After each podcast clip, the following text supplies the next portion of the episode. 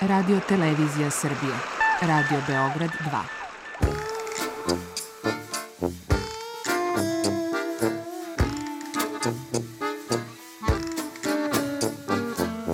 Rekli su mi, gospodine, vi ste promašili temu. Pa ja sam onda promašio život. I ne znam šta će da bude sam. Kaže, ja ne mogu više te čuvam.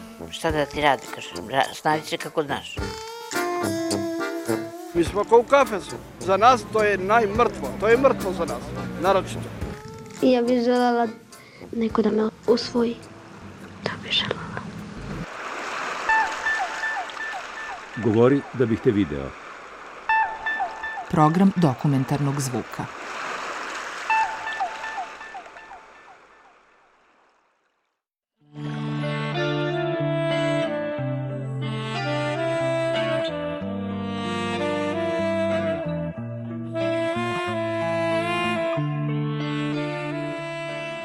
Kako je izgledalo odrastati i školovati se kao dete sa hroničnim bolestima. Bez podrške i razumevanja okoline, u današnjoj reportaži ispričat će nam Sara i Magdalena Nikolić. Kao sestre bliznakinje koje dele čak i simptome istih bolesti, od uvek su se oslanjale jedna na drugu i prolazile kroz životne izazove zajedno. Pre nekoliko godina osnažile su se i zatražile procenu radne sposobnosti.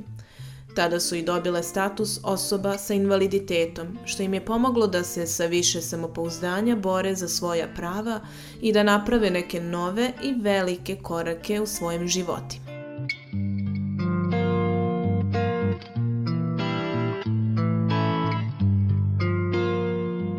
Pošto smo bliznakinje, ranije smo nekako živele faktički isti život, imali smo ista interesovanje, isto društvo, ali nekako kad smo upisale fakultet, pošto smo rešile da upišemo različite stvari, dosta nam se život ono odvojio.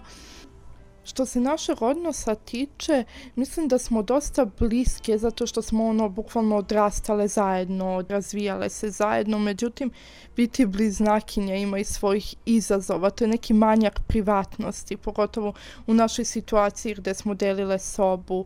I nekako uvek krenemo u nekom sličnom smeru kad upoznajemo ljude, pogotovo ranije dok nismo studirale različite stvari, onda nam nekako i društvo nam je isto a, teško je ponekad naći, svaka da nađe neka svoje interesovanja, nešto š, svoje što je odvojeno, bukvalno gde smo odvojene jedna od druge. A, mislim da nas je to u nekom smislu možda sputavalo u nekim određenim trenucima života, mislim da je drugoj deci bilo lakše da nađu neko društvo, ono kao uvek je to bilo u osnovnim školama, kao svako ima svoju najbolju drugaricu, nas je bilo dve i onda smo nekako teško mogli u taj koncept druženja da se uklopimo. Ali sa druge strane uh, je bilo dobro što u nekim situacijama nikad nismo same. Uvek kad treba negde da idemo, uvek je ova druga tu. Mada mi smo to opet i ranije percepirale i dalje kao da idemo same negde.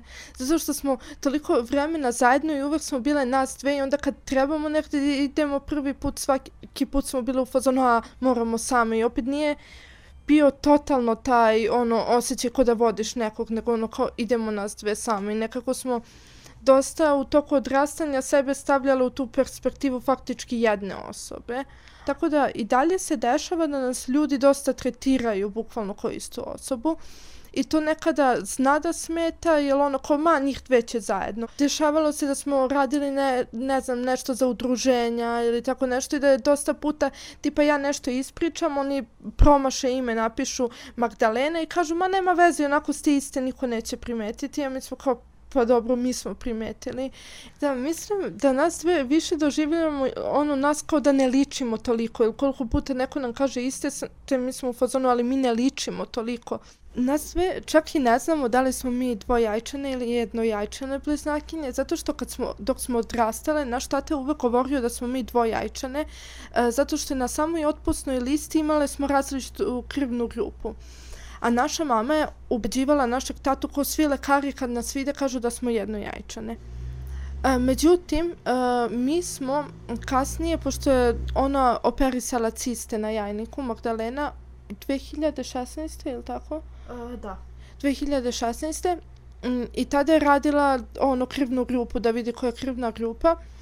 I ispala ju je B negativna, da, a meni je pisalo u otpusnoj listi iz bolnice da sam B pozitivna. Međutim, ove godine, prošle godine, to jest kad sam se ja operisala, e, radila sam isto i ispalo mi B negativna. Tako da su nama faktički ono, kad smo izrazile, da, kad smo izrazile iz bolnice, nama su dale li pogrešnu ono, krvnu grupu ne pravi nam veliku razliku to da li smo jednojajčane i dvoja, ili dvojajčane bliznakinje, ali sada kada se setimo ono iz detinstva da je to nekako uvek bila između naših roditelja, nekako ne bukvalno rasprava, nego naša mama je verovala da smo jednojajčane, naš tata ju je ubeđivao da je nemoguće, pošto imamo različitu krivnu grupu i nekako njih dvoje sada, pošto je naša mama umrla 2009. a naš tata 2019 nekako mi smo tek posle toga saznali da mi zapravo imamo iste krvne grupe i to je malo ono, zbog toga nam je krivo što oni nisu imali prilike to da saznaju, da nekako prođemo to sa njima.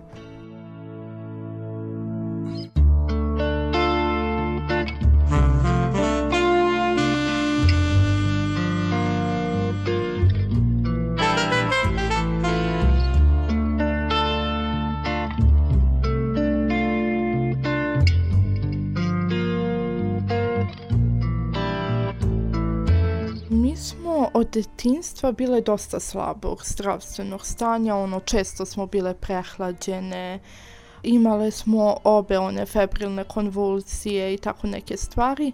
E onda se prvo meni pojavio i problem sa srcem, onda su mi se pojavile migrene, koje su u početku bile obične migrene bez aure, a kasnije se to razvilo u migrenu ono sa kompleksnom aurom, gde sam ja to, u toku napada još prvi takav napad sam imala sa 12 godina gde sam ono bukvalno nisam znala za sebe, nisam mogla da govorim, paralizovala mi se jedna strana tela, nisam ništa videla, tako da to je sve nastalo prvo kod mene i mi smo nekako uh, a, tako sve, svi ti zdravstveni problemi su se prvo meni pojavili u nekom ranijem detinstvu, pa su se kasnije pojavili kod Sare. I a, nekako nam je značilo što smo bliznakinje u smislu da kada se njoj sve to dešavalo što se meni ranije dešavalo, što ona jednostavno znala šta da očekuje i znala šta se dešava. Recimo, kada ona imala prvi ta, takav napad migrene, ona je do negde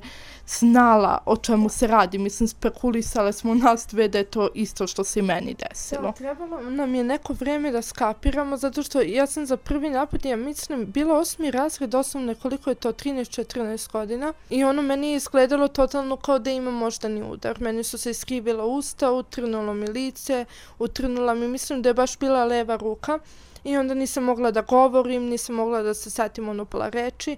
To jest, ja sam se sećala reči, ali ono što sam govorila, meni je nešto deseto izlazilo iz usta, a bila sam potpuno svesna i mi smo prvo, na prvu loptu ono bili kao, a imam možda ni udar i onako smo se svi baš uplašili, ali onda ona u nekom trenutku rekla kao mene to podsjeća, kao kad sam ja imala Mirjenu. I onda posle sve te aure, što se zove, to su ti znači simptomi pred samu glavobolju, tokom migrene, kada je mene krenula da boli glava i da povraćam, tada smo rekli kao, a, i ja imam migrenu. A što se tiče tih srčanih problema, to je bila isto neka od redovnih kontrola kad sam ja otišla isto sa njom da uradim ja ultrazvuk i oni su bili u fazonu, a obema je isti kao faktički nalaz. A ja pre toga nisam znala da ja imam taj prolaps ali eto, meni se to, mislim, većina tih zdravstvenih ono, tegoba koje ona imala u detinstvu, meni su se javljale isto u detinstvu, ali malo kasnije.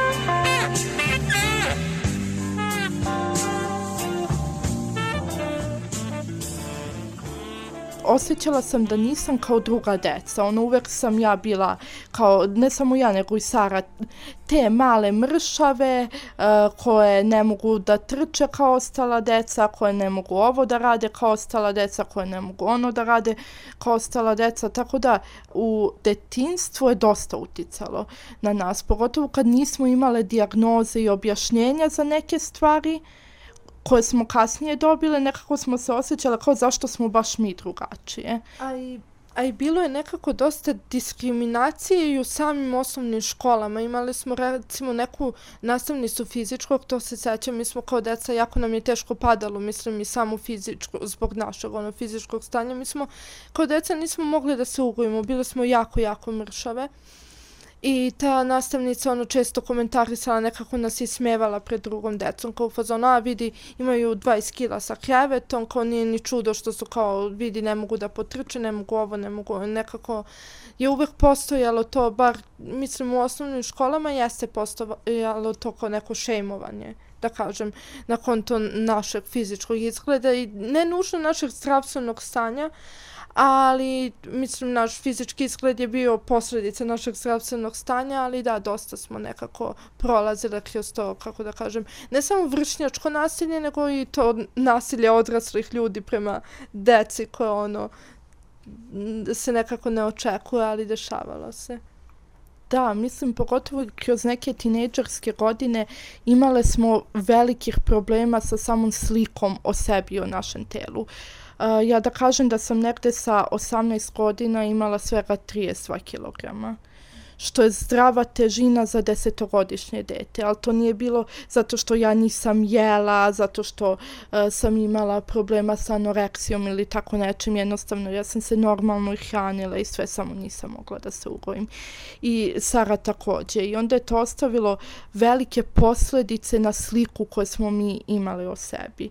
Pogotovo što se to mnogo primećivalo. Mi smo fizički izgledale drugačije. Kada si po bilo čemu drugačiji, to ljudi ljudi oko tebe će komentarisati.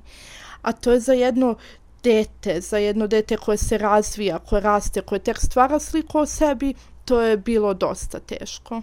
Mm, da, ja bih opet spomenula e, to koliko je to čudno što ne očekuješ da su dosta i odra, o, mislim ljudi odrasli, neki koji su tipa profesori, trebaju da budu nekako da, u, da te štite od samog tog vršnjačkog nasilja. Mislim da je u našoj srednjoj školi, recimo, mi smo išli u gostiteljsko-turističku školu, gde je stvarno bilo puno te diskriminacije. Mi smo upisale tada nekako, e, mi smo razmišljale, ne znam zašto, pravo da ti kažem, smo mi upisale za poslastičara. To nije bilo nešto što smo mi mnogo volele, ali tada smo e, bile, nekako imale smo taj mindset, nešto što ćemo brzo da završimo. Nismo uopšte razmišljale koliko će nas kasnije interesovati da se mi dalje obrazujemo i da upišemo fakultet ali tamo u toj celoj profesiji uh, je bilo puno diskriminacije. Dešavalo nam se recimo da smo odlazile na praksu u neke hotele gde su tamo profesori koji su bili zaduženi za nas, neki kao mentori, komentarisali kao one su našli tu da dođu, ne mogu ni kašiku da podignu. Ili e, jednom je profesor došao i rekao kao one su sve lepo radile kao i drugi, ali zbog njihovog strastvenog fizičkog stanja, tipa njima ću da davim trojku.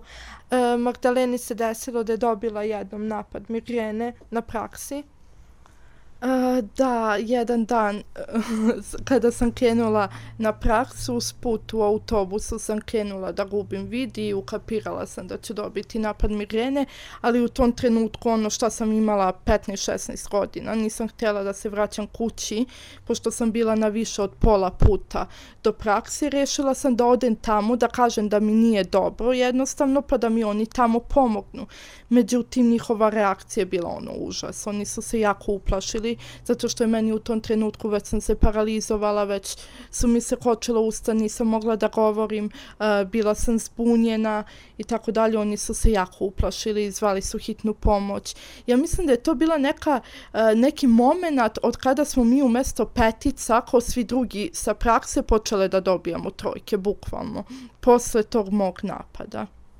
Mm, da nama okidač za te napade bilo rano ustajanje. Mi smo u tom hotelu kod smo imali praksu nekada morale da ustajemo u četiri ujutru da bi mi stigle na praksu i tada se njoj desio napad.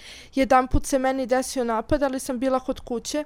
I tamo je bio neki čovjek, e, ne znam što je tačno on bio, što je bio zadužen e, da nas smešta u te smene znači u okviru srednje škole, gde smo nas sve njega otišle da zamolimo, da kažemo da nam je to jednostavno kidač, da mi zbog zdravstvenog stanja ne možemo, da bi on nama tada rekao, znam ja vas mlade, niko neće da ustaje rano, malo sutra ste bolesne, šta svakog boli glava. Tako da mislim da je cijela srednja škola dosta doprinela na neki način da mi imamo tako neku, kako da kažem, lošu sliku o sebi u to vrijeme da se osjećamo neprihvaćeno, ali s druge strane nam je jako pomogla jer je probudila taj nekako inat u nama, gdje smo mi sebi zacrtali u, gla, u glavi ono da ćemo mi jednog dana ono biti uspešni u smislu kao kako bi mogli svi kada bi nas neko odatle video mogao ono da prepozna kao koliko smo mi postigli u životu. Mm.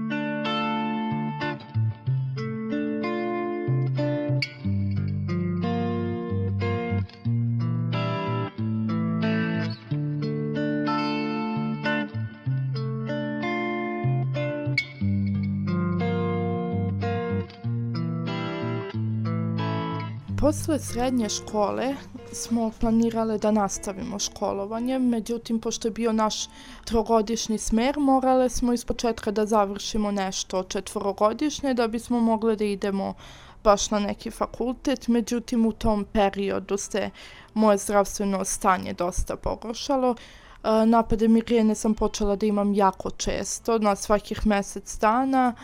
Imala sam cistu na jajniku koju sam imala nekih 9 meseci, koja je rasla, tumor markeri su mi skočili, pa sam tada e, ginekološki operisana. Međutim, ja sam posle operacije krenula da imam probleme gde meni puls skakao do 200 kako sam ja ukapirala da ja to imam, e, ja sam ušla u neku zajednicu ljudi obolelih od e, hroničnih bolesti, tad sam prvi put čula za tu bolest o kojoj se jako malo priča, sindrom posturalne ortostatske tahikardije i ortostatska hipotencija e, hipotenzija. I tako bio taj neki period gde moje zdravstveno stanje bilo loše i većinom sam provodila vremena u kući.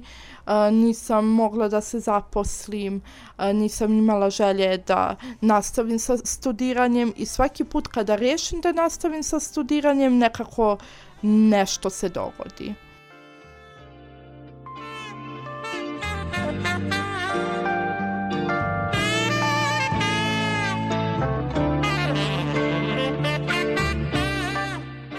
U nekom periodu moje mentalno zdravlje je bilo dosta pogođeno. Zato što ti kad provodiš više vremena kući, kad se osjećaš bolesno, kad se osjećaš da dosta toga ne možeš da uradiš, da nemaš energije ni za šta, naravno da to utiče na mentalno e, zdravlje. Meni je jedno vrijeme bila diagnostikovana klinička depresija. E, mi već ono nekoliko godina unazad, ajde da kažemo i od posle srednje škole, pa čak e, do današnjeg dana naše mentalno zdravlje nije ono baš u nekom do, samo što jednostavno to nije bilo nešto čime smo htjele mnogo da se bavimo. Mi smo više puta odlazile, e, tražile smo psihološku pomoć kako bi to rešile. Međutim, dosta puta e, smo mi slane kod psihijatra radi uvođenja nekih e, lekova, neke terapije zbog te depresije, ali nas sve smo uvijek imale nekako taj mindset da mi želimo same da rešimo to i u našoj porodici velika stigma bila oko tih lekova zato što je naša majka ono bila psihijatrijski bolesnik koja je išla u zadnjih godina njenog života po psihijatrijama i onda je umrla, mislim, kao uzrok toga što je odlazila stalno po psihijatrijskim bolnicama gde jako loše su vodili računa o njoj i nekako e, mi nismo to želeli, ali ne mogu da kažem da nekako i to cijelo detinstvo i to čega smo se kasnije nagledale i naša bolest i bolest naših roditelja i sve to nije dovela do toga da naše mentalno zdravlje nije baš najbolje. Ali mislim da smo mi nekako naučile da živimo sa tim i da smo taj deo sebe, mislim taj ono ko depresivni, ankciozni deo sebe nekako prihvatile i da ok, idemo kroz život sa time što još nismo naglasile, naša majka je također imala e, većinu problema koje mi imamo. Ona je bila izuzetno mršava.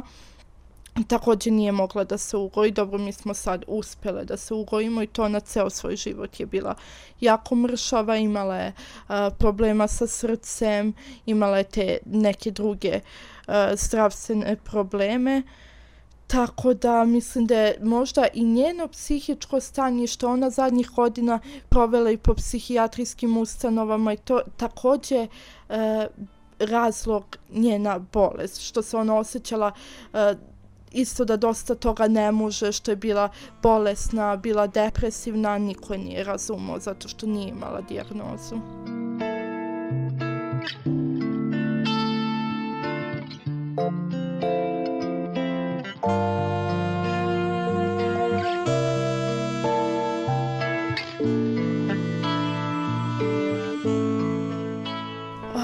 negde kada sam imala oko 20 godina, 21 godinu, tako, počela sam konačno da dobijam na težini, što je dosta uticalo na moje samopouzdanje. A, negde sa 23-24 godine je došlo do toga da su se meni smanjili napadi migrene. Tvorili su se neki uslovi da se ja pokrenem konačno što se tiče i traženja posla i studiranja.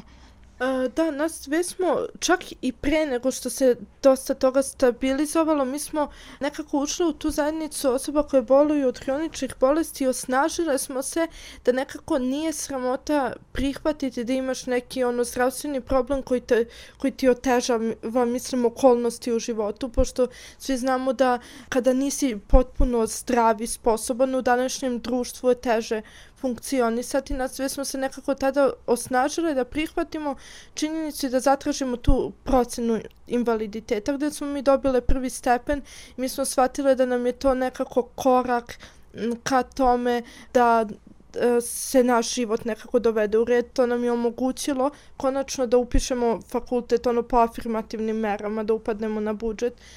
I mislim da bismo se na taj način lakše kasnije u budućnosti zaposlile. Što se invaliditeta tiče, društvo to vidi kao nešto jako negativno, kao ja ti imaš invaliditet, sad je kraj sveta i tako dalje.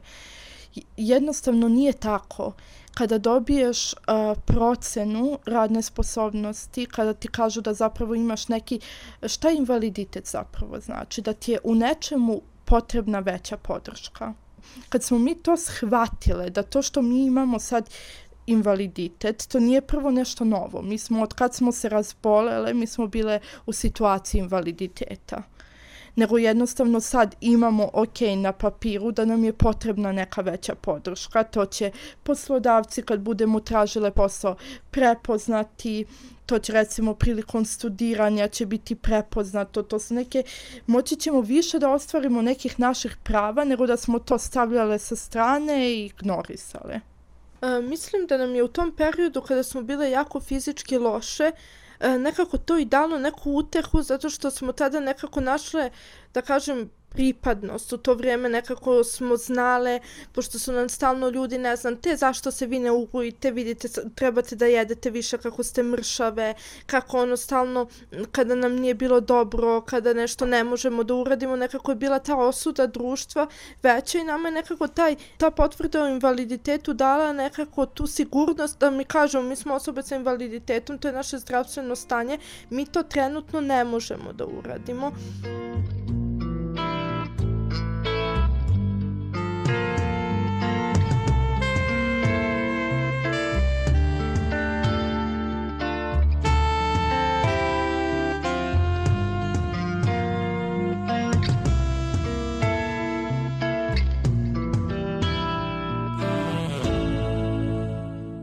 Pogotovo kod nas, dosta postoji ta kultura ono sklanjanja od bolesti. Ljudi se nekako plaše bolesti, što im je to jako abstraktno ako su oni zdravi, e, nekako žele sebe da odalje jednostavno od toga. Mi smo imali neku drugaricu koja nam je e, nešto čak rekla indirektno kao zašto se vi toliko družite sa tim osobama sa invaliditetom koje su bolesne, sigurno zbog toga kao tako i negativno razmišljate, imate kao tu neku depresiju kao posljedicu toga što ste okružene bolesnim ljudima, što je ono potpuno, kako da kažem, neko mišljenje koje dolazi iz totalnog neznanja.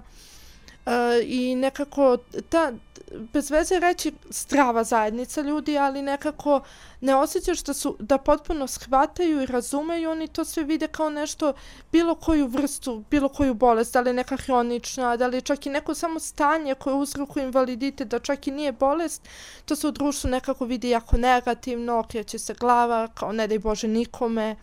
samo se skloni, nemoj to da gledaš, oni ništa ne mogu i tako dalje. I ta druga krajnost je taj ono kao ja, o vidi, Mm, u suštini ne razmišlja se o problematici invaliditeta, nego taj dru, ta druga krajnost je ja vidi ako ta osoba sa invaliditetom može, možemo mi svi, ajde da nam ona bude inspiracija. Nekako nemamo to neko pravo realno, naravno imamo u nevladinim organizacijama i aktivistima sa invaliditetom koje se zalažu, ali nemamo dovoljno, nije onako to pokazano u društvu koliko mi jednostavno ko imamo invaliditet, svi želimo da budemo mislim, samo da živimo te neki normalan život. Znači, ne da budemo inspiracija, ne da budemo sažaljenje, nego jednostavno da uz pomoću samog društva koji će da nam prilagodi te neke stvari i pomogne u tim nekim stvarima, da jednostavno možemo da živimo potpuno isto kao svako, svaka druga osoba. Thank you.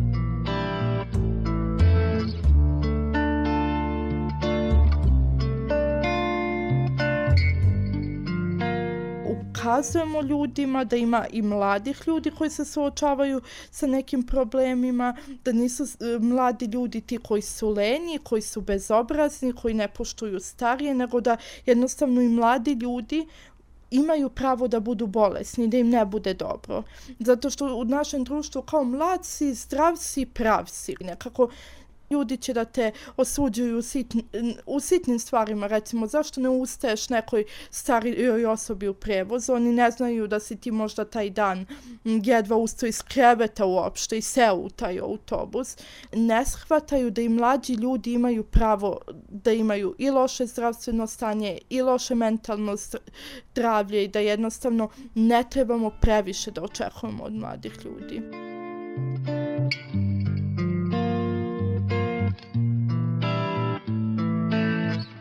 Ja sam počela da radim kao personalna asistentkinja slepoj devojci, zapravo zato što je ta slepa devojka moja jako dobra drugarica. I nas dve smo nekako ono razgovorom došle do toga, pošto meni u, u toku studiranja mi je svakako značilo da nađem neki posao koji mogu da uskladim sa studiranjem. Njoj da bi ona završila što brže svoje studije, njoj je značila ta podrška asistenta koji bi pomagao i oko literature i oko odlazaka i na ispit i na faks i sve to. Uh, nekako smo došle do toga, čekaj, zašto ne bismo nas dve to uradile jednostavno tako da nekako te uzajamna podrška bila. Nekako se sve namestilo da baš ja budem njen personalni asistent. I moja sestra se bavi sličnim poslom. Ona je lični pratilac deteta sa autizmom možda baš iz svih tih razloga šta sam, kroz šta sam ja prošla i u obrazovnom sistemu, gde jednostavno shvatio što u društvu nema mnogo razumevanja za različitosti, baš zbog toga sam možda i rešila da se bavim ovim poslom kojim se trenutno bavim. Znači, moj posao je zapravo e, da ja odlazim u školu i provodim vremena u školi sa detetom koji ima autizam zato što podrška obostrana. Nije samo osobe bez invaliditeta pružaju podršku osobama sa invaliditetom, nego i suprotno. Ja bilo kome kome mogu trenutno da pružim podršku, ja ću to uraditi. I trenutno sam osjetila uh, da je taj posao za mene, da imam kapaciteta da mogu nekome da pružim podršku, zato što uh, shvatam koliko je podrška bitna i u obrazovnom sistemu, kao i bilo kojim drugim i društvenim aktivnostima a, rešila sam da se bavim ovim poslom.